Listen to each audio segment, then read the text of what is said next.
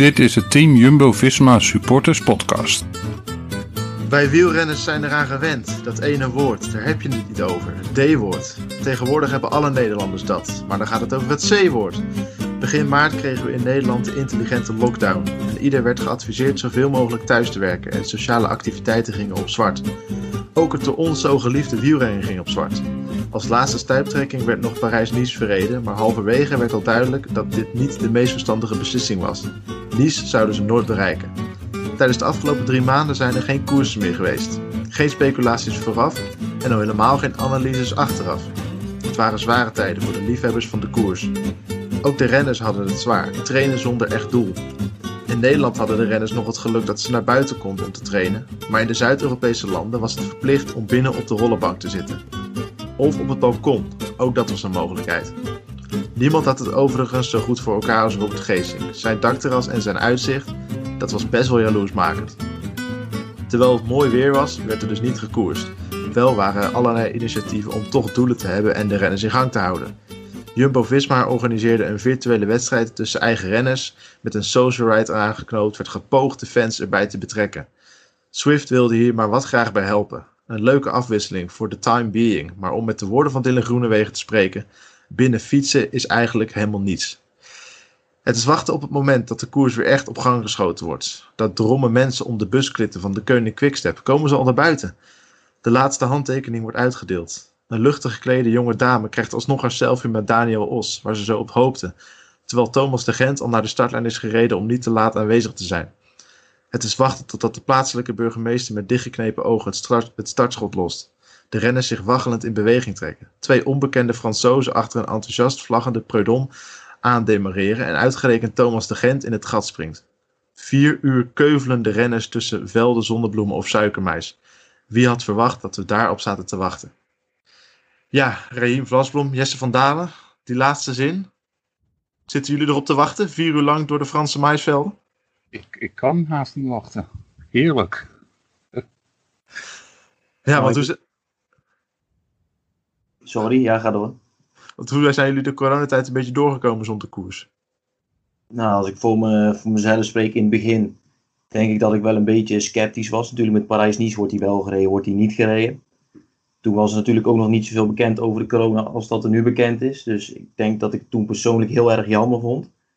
Maar als je nu ziet wat voor impact het op de wereld natuurlijk heeft, dan eh, denk ik dat ze toen alleen maar een goede beslissing eh, hebben gemaakt om er niet te rijden. En dan kan ik ook eh, heel goed accepteren dat er, eh, de, dat er geen, een tijd lang geen koers is geweest natuurlijk. Dat is ook niet meer dan logisch. Het was een beetje een surrealistisch beeld eigenlijk. Hè? Dat, dat de wereld langzaam werd stilgelegd, maar Parijs-Nice ging nog door tot het einde. Dus je dacht van, oh, er wordt nog gewoon gefietst. Waar zijn, waar zijn ze mee bezig?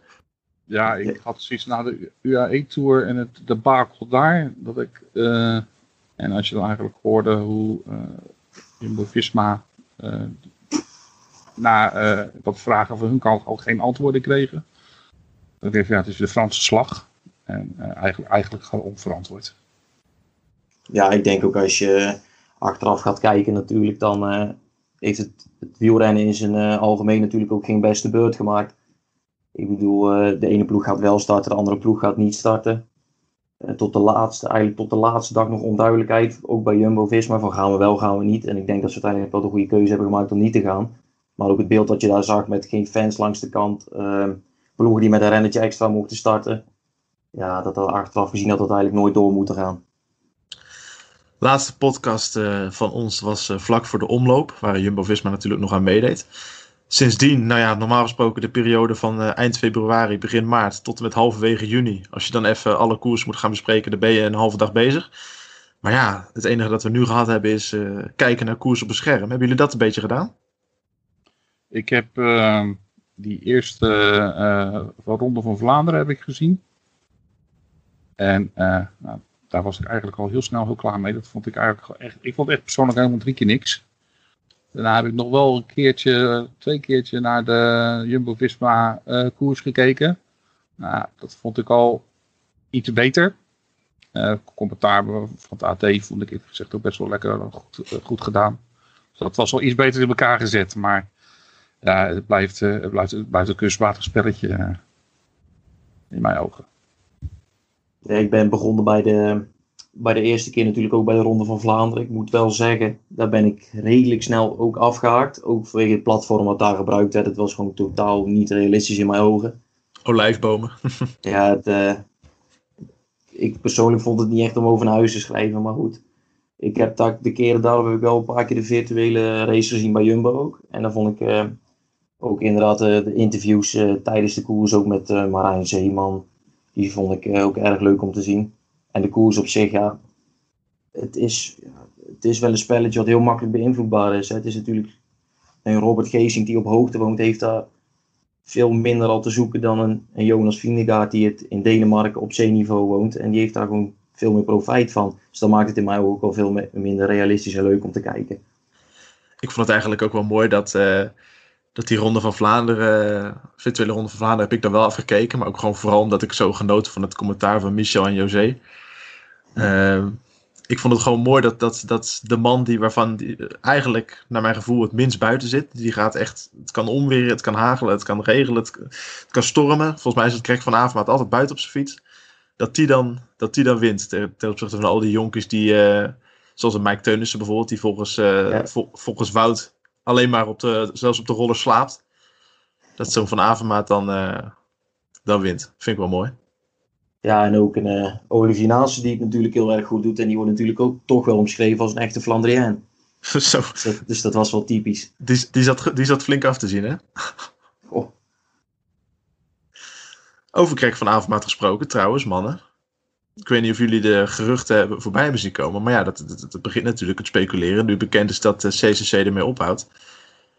Van Avermaat, Jumbo-Visma. Nee. Nee? Ja, nee. Waarom niet? Ik denk, ik, ik denk, ik denk dat. eh, het is heel persoonlijk dit hoor. Ik, ik heb eerlijk persoonlijk heel weinig Greg van Avermaat. Dus eh, dat, dat ligt dus meer aan mij. En eh, daarnaast denk ik dat de ploeg eh, toch eerder gaat investeren in, in, in, in wat jong, jong talent. Als dat ze een eh, du- dure renner als Greg van Avermaat gaan halen.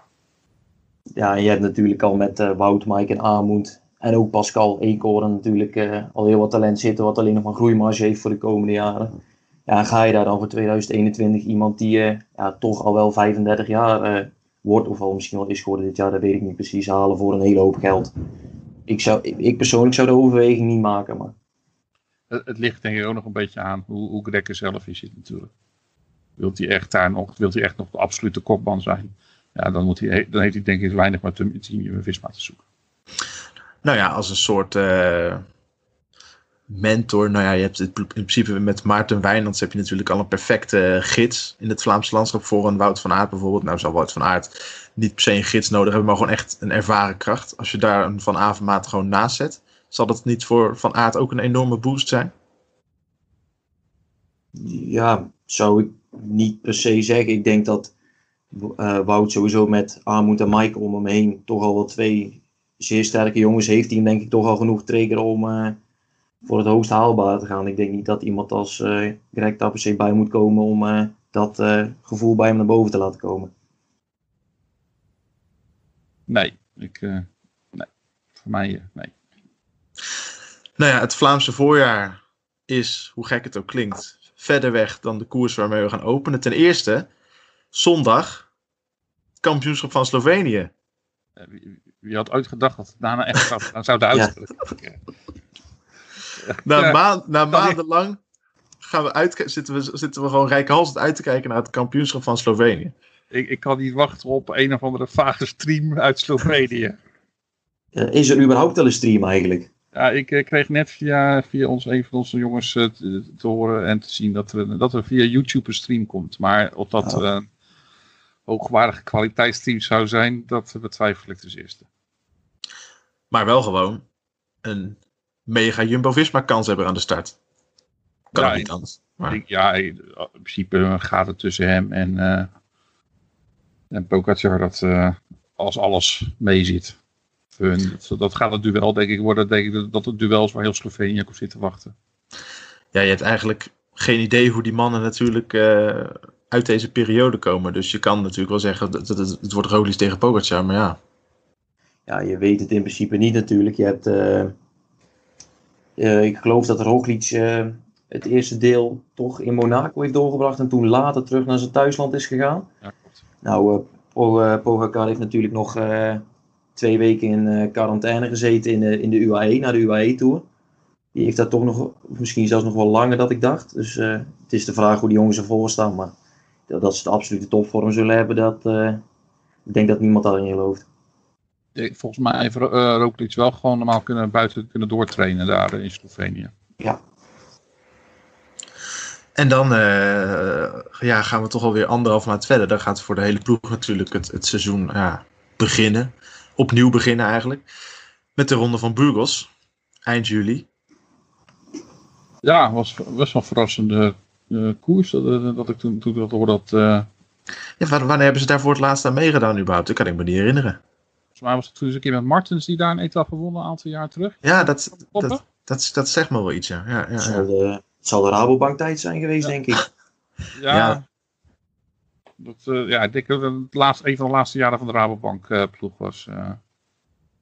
Ja, en dan, man, als we dan naar het lijstje gaan kijken. 1 augustus Strade Bianchi, 5 tot 9 de Ronde van Polen, 8 augustus Ronde van Lombardije, 12 tot en met 16 Dauphiné, 22 Milaan Remo, enzovoort, enzovoort, enzovoort. En dan tussendoor overlapt alles elkaar en komen alle grote rondes. Het, ja, het wordt echt, eh, je weet niet waar je kijken moet. ja, en er zit ook nog de Heiste Pijl aan het begin ertussen. Ja. En Milaan, Tor- Torino. rijdt Ja, precies. Ik zat nu alleen nog maar Tour, moet je Ja. nagaan. Ja.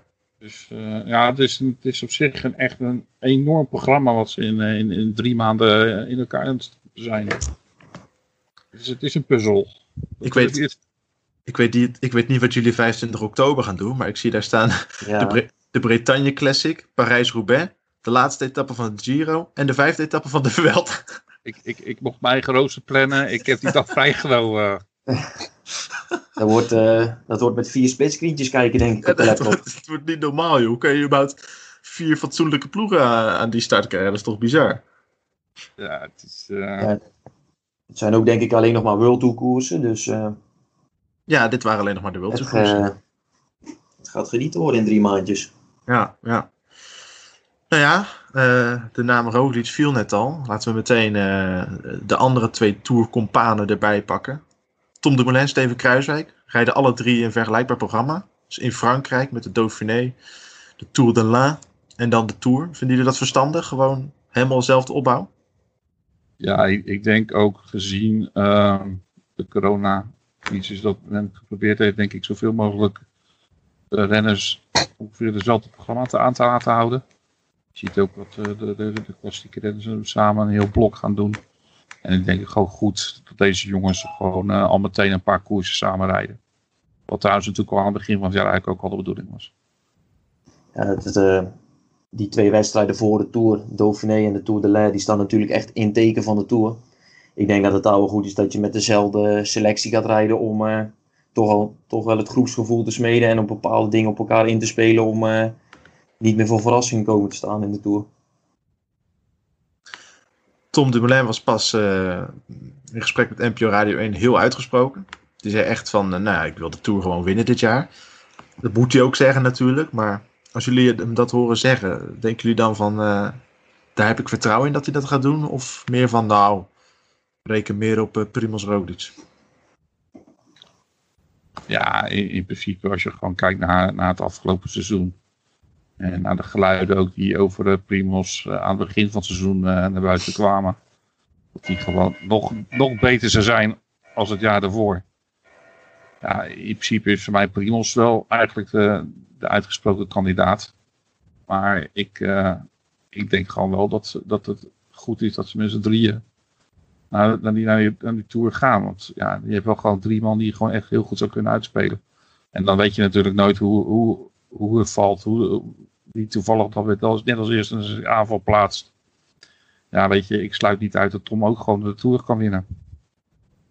Nee, net wat uh, zegt natuurlijk. Ik denk dat voor iedereen uh, Tom toch wel een heel groot vraagteken is. Misschien voor zichzelf ook wel. Hij heeft natuurlijk toch nu al ruim een jaar niet gereden. Uh, ja, ik denk nog steeds dat het erin zit. Ik hoorde Bogert pas zeggen van ja, Dumoulin is een beetje over zijn top heen. Ja. Dumoulin, nee, die heeft zijn beste jaar al gehad. Uh, Clement zei ook, hij zou in principe de Tour moeten winnen. om niet over zo te meteen zijn. Hij is natuurlijk al een keer tweede geworden. Nu zit je natuurlijk ook altijd met concurrenten. Maar ik denk ten opzichte van wat ik vorig jaar heb gezien, dat Primos zeker toch wel een stapje voor staat. Maar ik sluit gewoon niet uit dat Tom de Tour niet kan winnen. Ik denk dat dat er zeker nog in zit. Ja, het is ook gewoon, want die jongen die is nu volgens mij net 30. En uh, ja, die heeft nog zeker uh, in principe vier tot zes topjaren voor zich. Als het al niet meer is, als hij nog, lang, als hij nog langer door zou willen gaan. Ik vind het nu gewoon veel te vroeg om te zeggen dat die jongen over zijn uh, al op zijn hoogtepunt is geweest. Echt veel te vroeg. Maar als je kijkt naar de Tour van dit jaar, ja, als Tom hem zou willen winnen, dan moet hij er moet hij gewoon bergop, man, als Bernal eraf rijden. Zien jullie dat voor je? Ja, je hebt natuurlijk de, je hebt natuurlijk de laatste dag heb je nog die, uh, of de ene laatste dag geloof ik, heb je die lange tijdrit. Ja, maar ja, die eindigt ook bergop. Die eindigt ook bergop. En ik weet nog van 2018 dat Bernal in Romandie een hele goede tijd het bergop afleverde. Daarom. Maar daar had Tom zeker tijd moeten kunnen pakken. Maar hij kon in 2018 natuurlijk ook gewoon met die, uh, met die mannen bergop mee. Hij heeft, dus ons vaker, hij heeft ons vaker verrast. Ja, ik zie niet in waarom het niet zou kunnen.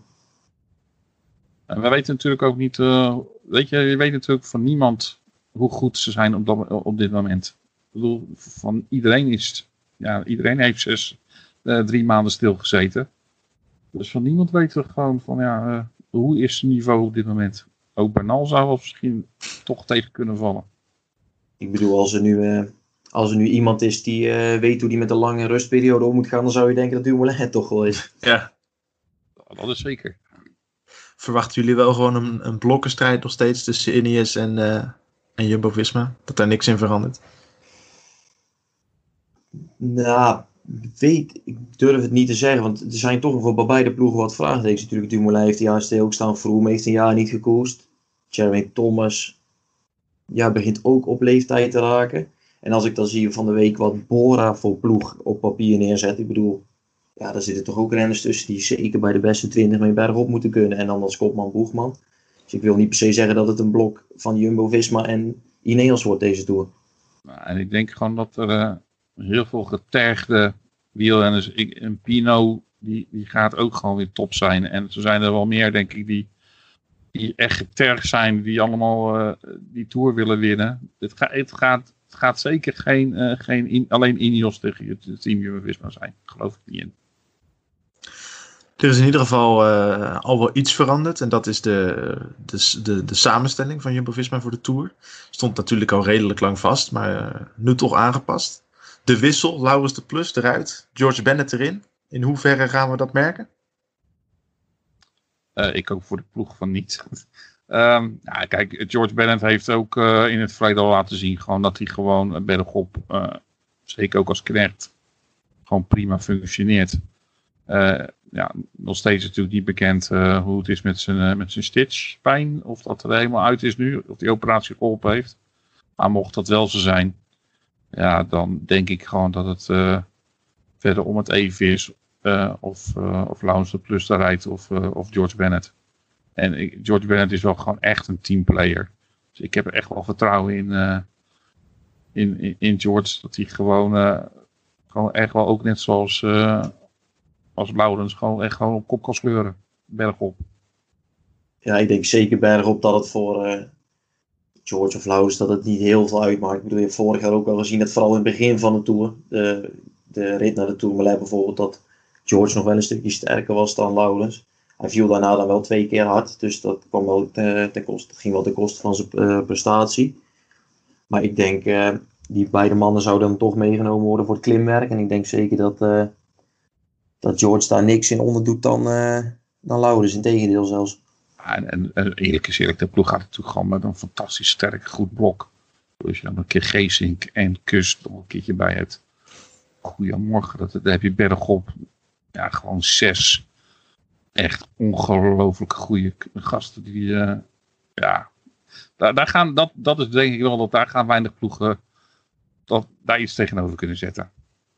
Ja, je hebt natuurlijk met uh, Tony Martin en uh, Wout van Aert twee mannen die je perfect naar de voet kunnen loodsen. Eerst een paar kilometertjes kunnen doen. Ja, ik, ja.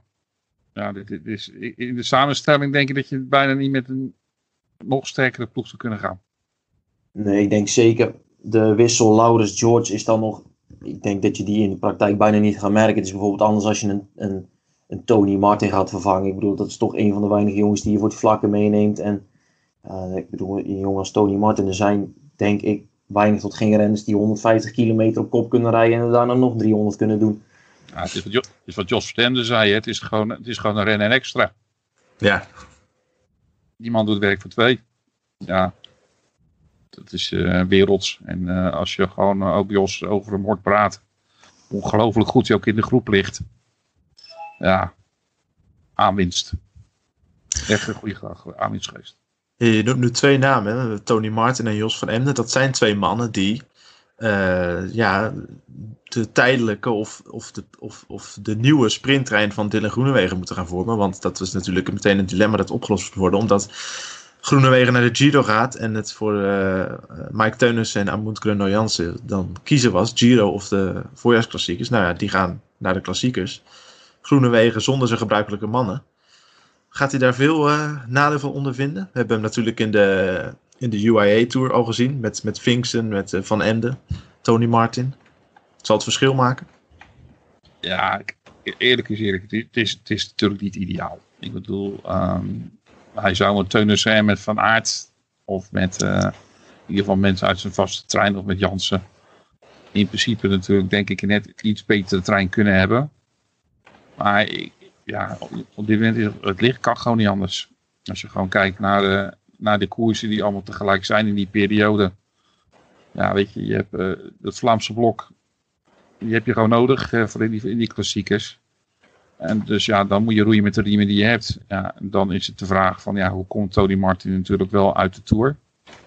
Je moet dan twee weken later alweer, uh, dus het twee, drie weken later alweer starten dan in, uh, in de Giro. Ja, fysiek denk ik, als die gewoon goed is, dan is dat iemand die dat aan kan. En ja, dan heb je in principe met, met Jos, ja, ja, je wil gewoon twee pure hardrijders. Ja, ik denk qua power in de trein dat je natuurlijk niks inlevert.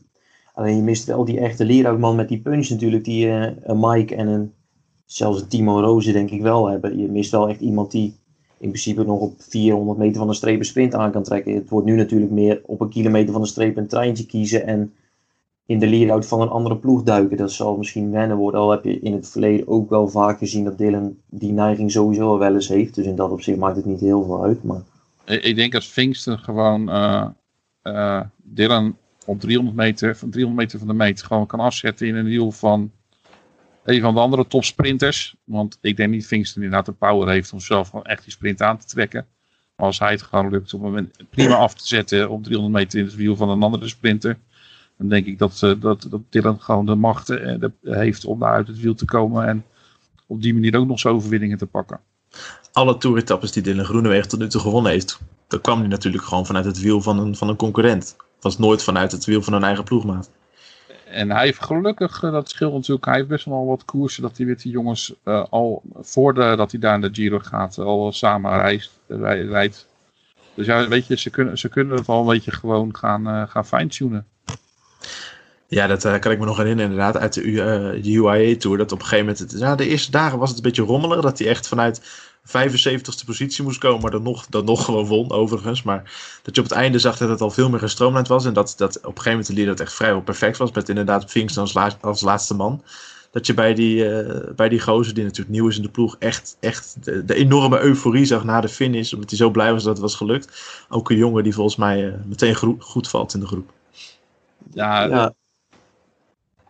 Ja hij heeft een, uh, natuurlijk een paar keer al, uh, of een paar jaar zelfs al met Dylan samengereden bij, uh, bij de Rijken. Hij is volgens mij ook op voorspraak van Dylan toch wel een beetje in de ploeg gekomen. Want ze hadden eigenlijk met 26 mensen hadden ze toch al wel genoeg. Alleen ja, de UCI-regels schreven voor dat je 27 man moest hebben. Dus die is eigenlijk toch nog als laatste erbij gekomen. En ja, je zag toch wel dat het in het begin zoekende was. Alleen ja, die laatste etappe in de UAE, die vier etappen die hij dan wint, is denk ik het perfecte voorbeeld dat je hem uh, op inderdaad wat Raheem zegt, op 300, 400 meter zet je hem af in een wiel. En ik ben van mening als Dylan Vrij kan sprinten dat er eigenlijk niemand is die sneller is dan hem op een vlakke aankomst. Is het niet, hadden jullie niet verwacht dat, dat dan nu toch de keuze weer terug zou vallen op, op, op een Timo Roze, die twee jaar geleden gewoon nog zijn vaste lead man was? Ehm, ja, dat had, dat had een keuze kunnen zijn. Maar als je gewoon puur kijkt naar, naar de selectie van de ploeg. Ja, en je wilt gewoon echt met, je, met, met, met gewoon echt een sterk blok naar, de, naar, de, naar die klassiekers toe. Waarvan ik denk van dat je tegenover Quickstep gewoon minimaal met, met, met vier man in die finale terecht moet komen. Om kans te maken om te winnen. Uh, ja, denk ik gewoon dat je bijna geen andere keuze hebt dan dit. En dan mag je dus eigenlijk achteraf blij zijn dat, die, dat je gedwongen bent om die 27e man te hebben. Zodat je Vingsten nu hebt als alternatief. Want anders had je toch weer terug moeten vallen bijvoorbeeld op een Martens of een Lezer. En dan denk ik dat Vingsten toch net iets kwiekster is. Ja, ik had persoonlijk wel verwacht dat ze Timo eigenlijk mee zouden meenemen naar de Giro. Want ik bedoel, de klassiekers, als je heel goed gaat kijken, het zijn eigenlijk maar ja, vier, ja, maximaal vier wedstrijden die je nu nog hebt. Dan denk ik persoonlijk dat je met een blok van Wout, de, Wout, Amund, Mike en Pascal, dat je daar toch wel vier hele goede renners hebt. En dan nog Wijnands en Van der Hoorn in de ondersteuning. Alleen ik denk toch ergens wel dat Groenewegen toch wel een beetje een vinger in de pap heeft. Uh, ook al heeft gehad natuurlijk met uh, de Giro. En ik kan me best voorstellen dat hij natuurlijk na het begin van het seizoen toch liever Vingsten heeft dan Rozen. En Roos natuurlijk ook goed tot zijn recht komt in de klassiekers. Dus ja, dan snap ik de keuze wel. Ik heb trouwens, uh, nu we het toch over, uh, over Dylan Groenewegen hebben. Eind mei heb ik een interview uh, met, met me gelezen in het Parool. Ik weet niet of jullie dat ook hebben gelezen. Ja. De, de, kop van het artikel was, ik kwam als winnaar, ik ga als winnaar. Ja. En, in de, en in de lead stond meteen, ik kan nooit knecht zijn. Nou ja, Dylan reageerde op zijn eigen Twitter-account meteen dat hij zich totaal niet herkende in die woorden. Hoe hebben jullie ernaar gekeken? Ik, uh, het is wel typisch Dylan op, dat hij het op deze manier weer oplost. Ik had, had, had van, ja, maar inderdaad wat anderen ook al zeiden, waarom niet van tevoren eerst het artikel opgevraagd om te kijken van, uh, mag ik het eerst even zien voordat je het plaatst. Maar ik, ik kan me ook niet lichtelijk aan de, aan de indruk uh, dat hij waarschijnlijk het artikel misschien wel gelezen heeft. En dat hij pas achteraf toen het geplaatst werd door anderen op zijn werd gezegd van Ja. hey, dit komt niet helemaal lekker over. ik, ze- dus eh, ja, en ik moet eerlijk zeggen, ik, is wel gewoon, die, die, die, die, die strijdt niet alleen voor zichzelf. Maar ik vond op zich het artikel zelf niet echt heel slecht hoor. Ik vind het wel een artikel van, een- het is wel een winnaar. En dat, dat sprak hij wel heel duidelijk uit. Ja, hij probeerde natuurlijk later ook nog een beetje goed te praten op Twitter, maar net wat uh, Raheem zegt, ik denk dat hij achteraf een beetje geschrokken is van zijn eigen woorden die, eh, die daar zo op papier stonden. Maar het is natuurlijk wel echt de typische Amsterdamse bluff die hij daar eh, gewoon uitspreekt. En ik denk ook gewoon wel dat het waar is, dat hij dat ook echt denkt.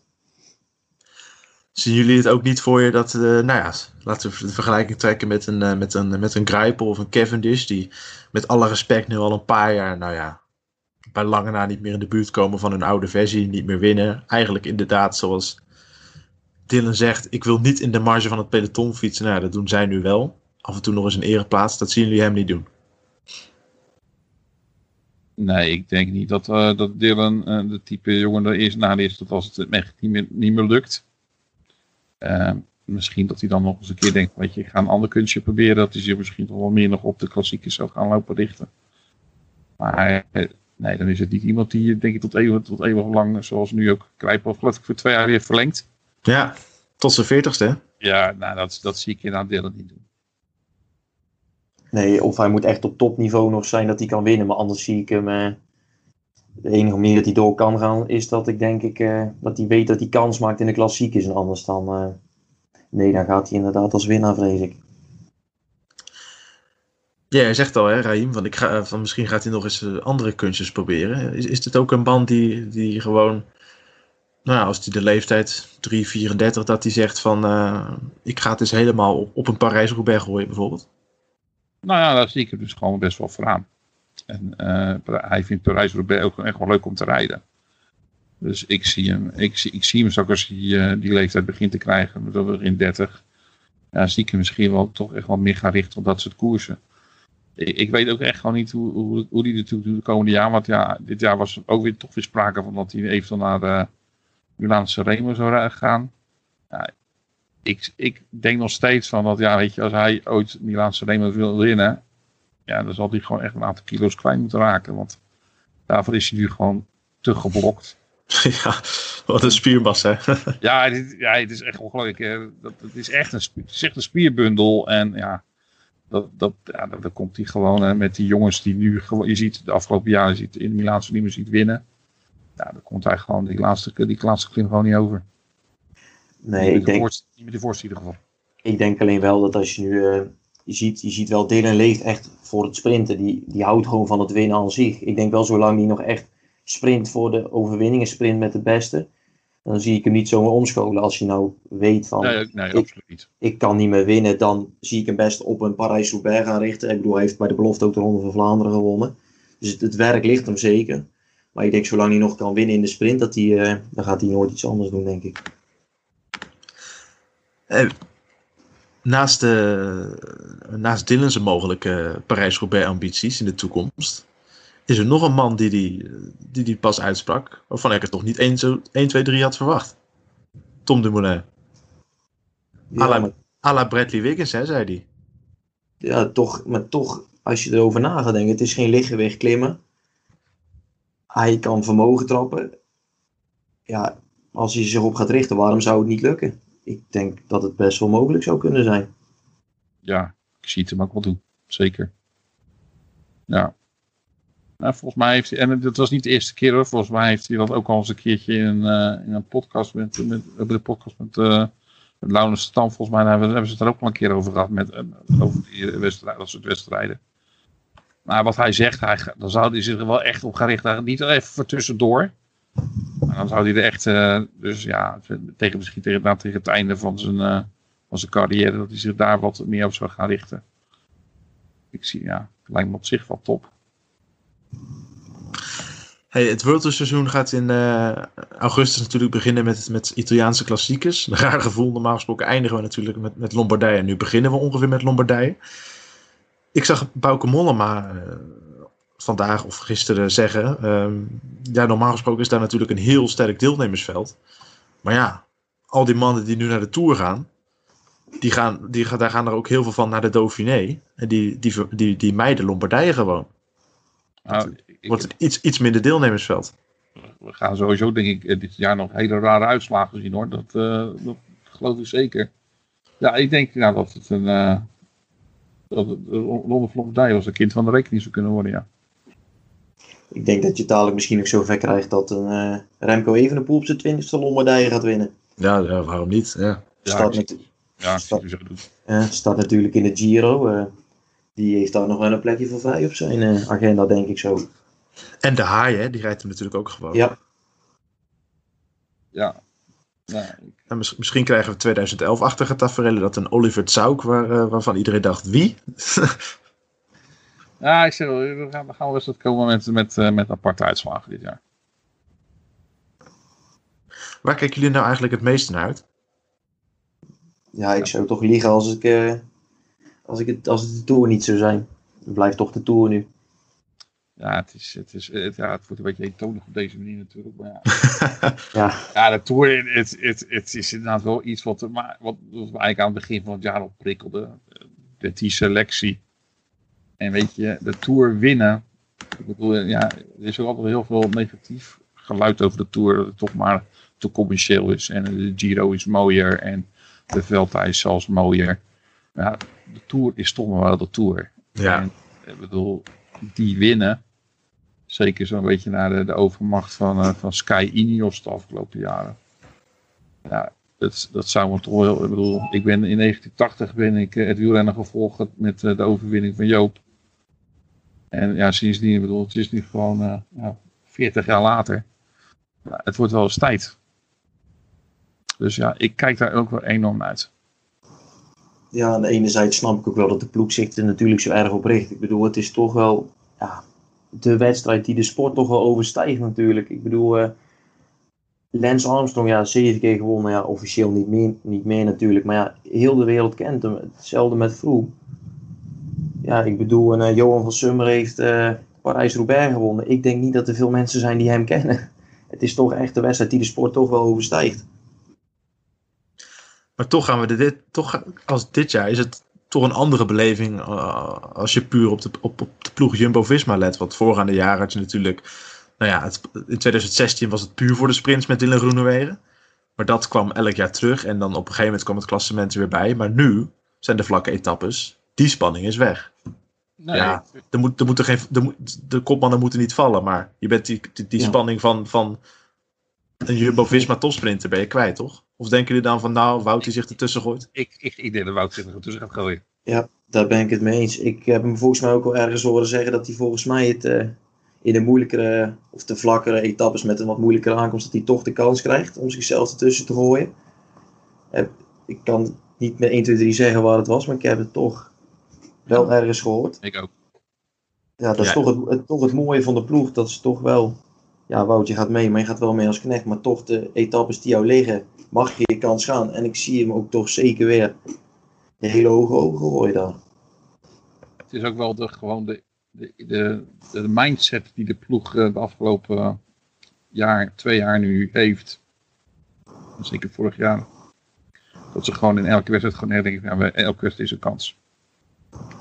Dus die gaan, die gaan ook in die vlakke etappes, die gaan niet, echt met, eh, niet zomaar naar de, naar de streep rijden. Daar gaat Wout echt wel gewoon meedoen. Die gaat zich ook tussen gooien. Jullie verwachten gewoon elke massasprint dat Wout zich ertussen gooit. ik, eh, die gaat, hij gaat het zeker proberen. En als natuurlijk als hij ziet van nou, het, het, het wordt voor hem natuurlijk wel lastig, want hij moet het waarschijnlijk dan in zijn eentje gaan doen. Eh, als hij Tom ook, misschien dat Tom nog eens een keer denkt, weet je wat, ik trek hem nog een keertje voor je aan. En,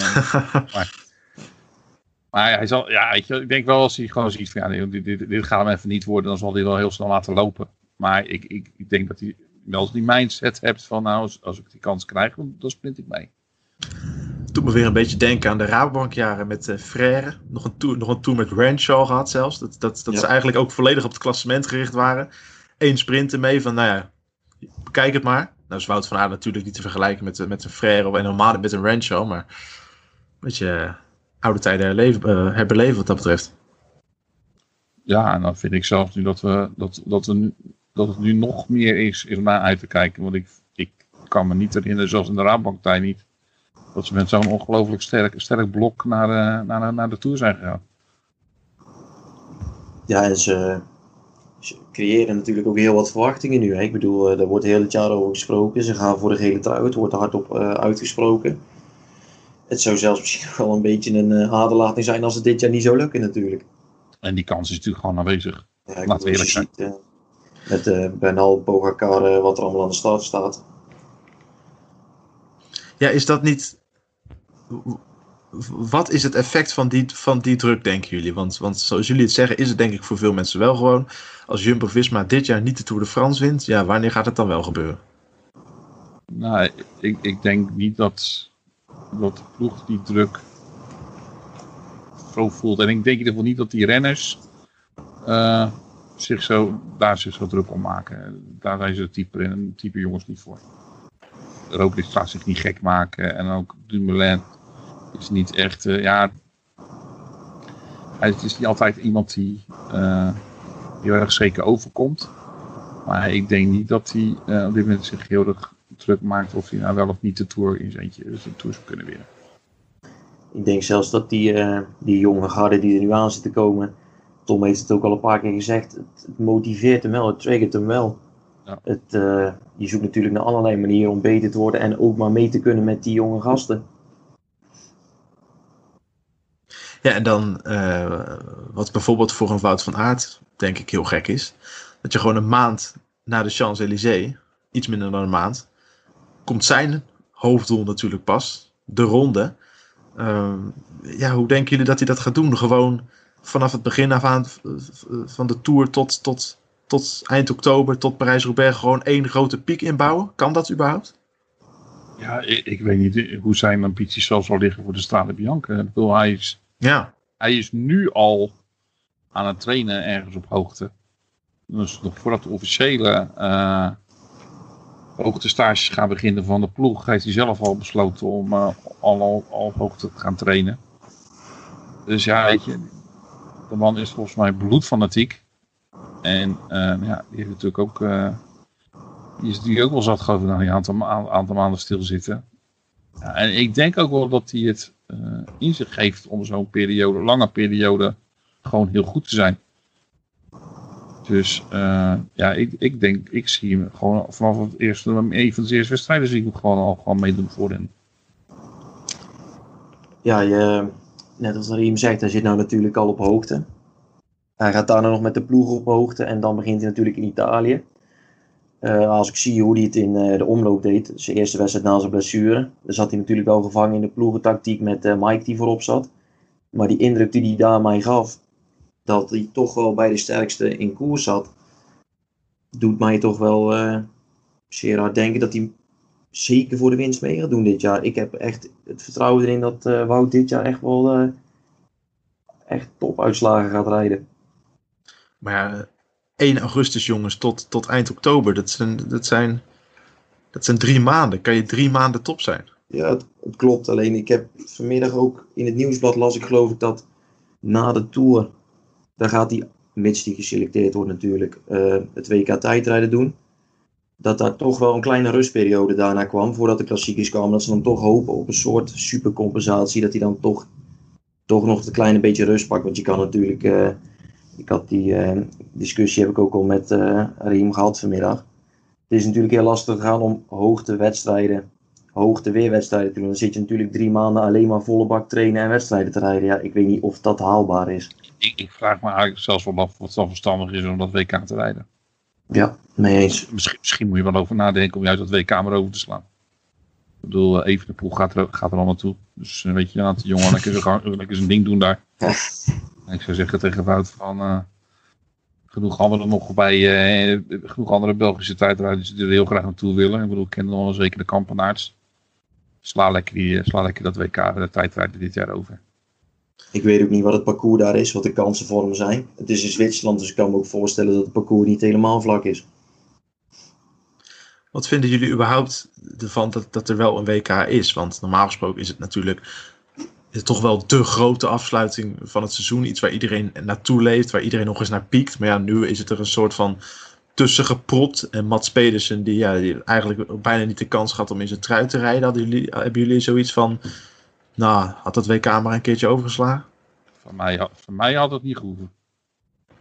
Nee, ik denk het, uh, net wat je zegt, het is toch het WK. Het is toch wel een belangrijke wedstrijd in het wielrennen. Op de manier waarop hij er nu tussen is gezet.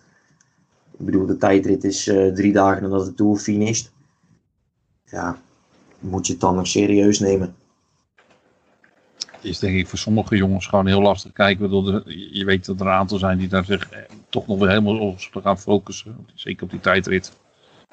Maar dan denk je wel van ja, de wegwedstrijd, ja, wat, wat, wat kan je daar dan van verwachten? Ik bedoel, uh, nee, ik, uh, het had voor mij, op deze manier had het voor mij niet gehoeven in ieder geval. Als ik zo naar de kalender kijk, dan, dan zijn er wel een paar wedstrijden die, waar Jumbo-Visma de titel moet verdedigen. Maar waarin dat, dat niet succesvol gaat zijn, vermoed ik. ik. ik. noem maar een Tirreno, midden in de Tour. Nou, als je met Steven, Tom en Primos in de Tour zit, weet ik het niet. Uh, het ligt natuurlijk een beetje aan, ja, weet je, Laurens de Plus is gewoon het grote vraagteken. Ja. Op dit moment. En... Um, Kijk, als die, als die gewoon in een goede vorm richting uh, dat soort wedstrijden zou kunnen. Nou, dan zou, zou het voor hem wel een ideale, nu een ideale kans zijn om zichzelf te laten zien als, uh, als mensenrenner. Maar ja, nee, we gaan, uh, we gaan denk niet niet dezelfde overwinningen zien als vorig jaar. Maar ik, ik geloof wel dat, we, dat de ploeg toch nog wat, best wel wat wedstrijden zou kunnen winnen. Ja, ik heb volgens mij is het zelfs sprake van dat Laurens helemaal de maand augustus niet gaat rijden. Dat ze misschien zelfs overwegen om alleen op hoogte te sturen voor de Giro. Er werd uh, bij de NOS toch een beetje schimmig over gedaan, maar ik denk... Uh, ja, ja, alleen, alleen Tireno zou dan eventueel... Ja, en Lombardije.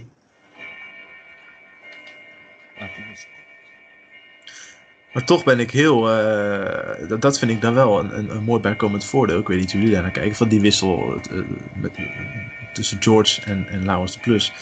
Uh, kijk, van George weten we wat we aan hem hebben als kopman in een grote ronde. Maar ik ben heel benieuwd wat Laurens de Plus klaarspeelt in zijn eerste grote ronde als kopman bij Jumbo-Visma. Nou is, dat, nou is maar de vraag die de komende Giro dan helemaal top zou zijn. Maar stel je voor dat is die. Waartoe kan die dan rijken? ja, het is wel een parcours, denk ik, wat, uh, wat hem op het lijf geschreven is. Met die drie uit het witte erin. Dus uh, ik ben eigenlijk dan wel stiekem heel benieuwd. Maar ja, weet je, dat, dat is alleen maar echt interessant als hij ook gewoon echt in top, topvorm zou kunnen zijn. Anders, weet je, dan... Uh, ja, dan zal misschien... Want ja, weet je, het is geen jongen. Het is bedoeld, op dat punt hij lijkt hij natuurlijk enorm veel op Steven Kruiswijk. Uh, hij heeft gewoon geen, geen echte punch in zijn benen. Dus weet je, dan is het ook geen renner die zegt van, weet je, ga lekker voor, voor, uh, voor, uh, voor, een, voor dagzegers. Daar is je gewoon een type renner ook niet naar. Dus ja, weet je, dan uh, wordt het denk ik wel op dat punt een hele wat saaiere Giro. En dat het puur gaat om de dagzegers met Dylan. Maar ik, daar zeg, ik hoop echt dat hij nog, nog in vorm komt voor die tijd. Ja, ik denk ook als hij fit is dat hij zeker daar uh, top 10 moet kunnen rijden. Misschien zelfs ietsjes meer ook als je kijkt naar het deelnemersveld wat er staat. Er staan natuurlijk wel een paar sterke namen, maar het is niet dat je zegt van uh, het deelnemersveld van de Tour. Wat ik verder ook toch wel erg leuk vond is dat, uh, dat ik vandaag zag dat ze Vos hebben ingeruild voor, of dat ze Hofstede hebben ingeruild voor Vos. Ik bedoel, het is toch een jong talent, die kan daar mooi zijn eigen ah. kans gaan. Daar verwacht ik toch ook wel wat van. Ja, ik ben, ik ben echt, echt heel benieuwd. Dat is echt een renner waar ik echt heel benieuwd ben naar. De, naar was ik eigenlijk vanaf het, van het begin van het jaar al heel benieuwd naar. Maar ik ben wel heel benieuwd naar wat, wat Vos kan. Hoe, hoe, wat, wat voor niveau die kan halen al. Ja, Goed. Ik, ik denk zelf, om er, mee, om er even mee af te sluiten, dat er nog uh, toch nog wel erg veel rek in die jongen zit. Je ziet ook dat hij bij de belofte natuurlijk uh, toch heel erg allround was. Ook in de klassieke stond hij zijn mannetje. Ik denk als zo'n jongen een traject ingaat en zich gaat richten op het rondewerk, een paar kilo verminderd, zoals hij zelf zegt, dan denk ik dat daar uh, heel veel in zit voor de komende jaren. Ja, mannen, we hebben genoeg besproken. Fijn dat we het weer konden bespreken. Nog wel even op deze manier, maar goed. Het begin is er. Uh, als we dan moeten afsluiten met uh, een voorspelling voor de eerste, eerstvolgende winst van Jumbo Visma dit jaar. Waar zetten jullie dan op in? Uh, voor mij denk ik dan uh, Dylan Groenewegen, Heijse Pijl op 1 augustus. Dat is wel de meest van hand liggende, denk ik. Ja? Ja, ik, denk ik wel. Ik denk dat, ik denk dat Rahim al aan zondag zit te denken. Uh, buiten zondag? ik, ik, ik, ik, ik denk dat het zondag inderdaad dan, dan de eerste overwinning zou zijn. Maar als we dan echt kijken naar het begin van het nieuwe ik, ik verwacht zelfs misschien wel een etappezege in Burgos. Ja? Ja. Oké. Okay. Dat zal, niet, zal niet voor de eindzegen zijn, maar ik, ik denk dat daar ons een dagzegen te pakken valt. Wat voor jongens gaan daar rijden eigenlijk? Is daar al iets over? Uh... Um, ik las vanmiddag op Wielenflits Bennett en Kuus, geloof ik, die daar sowieso zouden starten. En een team ah, okay. Roze, dacht ik. Ja, okay. en, en, wat ik dus eerder al meegekregen is dat Kruiswijk daar seizoen ook zou starten. Dus um, dat was in ieder geval de eerste, eerste naam die zelfs genoemd werd, ook door de organisatie van, uh, van, oh. van oh. Dus ik vermoed, ik vermoed dat Kruiswijk er ook aan de start staat. Nou ja, als die jongens er tof zijn, beter maar een etappezegentje meepakken. Ja, ik sluit het zeker niet uit. Wat gaan we nog doen dit jaar, uh, Raheem? Wanneer gaan we, komen er nog bijzondere gasten? Staan die nog op de rol? Of, uh... Nou ja, we gaan, we, gaan ons, we gaan ons best doen. Ik, uh, ik, hoop wel wat, nog wat mensen vanuit de ploeg een keertje te laten aansluiten. Ook al zouden we misschien via, via Skype gaan. En uh, ja, ik denk dat ons eerstvolgende, uh, ja echt denk ik zo'n beetje, zodra het seizoen uh, echt begint, dat we dan nog een keer met elkaar bij elkaar moeten komen. En de eerste wedstrijden, dat maar eens toch nog, nog eens rustig te gaan analyseren. En misschien kijken of we dan al een feestje kunnen bouwen met een eerste titel. Zou mooi zijn. Ja, ik denk dat we er niet op kunnen wachten, mannen. Nou ja, laten we en, deze... Ja? En dan waarschijnlijk wel, denk ik dat we Zeker want het seizoen echt uh, helemaal volgebouwd zit. In, uh, in drie maanden tijd. Dat we proberen toch uh, in ieder geval met genoeg podcasts. Zeker tijdens de grote rondes. Met wat extra podcasts komen. Dus, dus zijn, de mensen zijn niet van ons af. Ja, je moet niet één keer, dan niet één keer in de twee maanden een keer met de podcast komen. Nee, nee dat lijkt me echt iets, iets te weinig. Dan krijg je een podcast van drie uur. Om alles bij te praten. Ja, dat, ik weet niet of mensen zo lang een aandachtspogen gespannen kunnen houden. Nou goed, we gaan, we gaan deze in ieder geval afronden. Uh, bedankt voor het luisteren. Uh, podcast natuurlijk beluisteren via, via onze website. Ik neem er eens een kijkje op. Uh, tjvsupporters.eu en uiteraard ook via Soundcloud, Spotify en iTunes. Mede ook namens Raim. Eh, Jesse, mijn naam is ook Jesse. Bedankt voor het luisteren en eh, tot de volgende. Veel koersplezier alvast.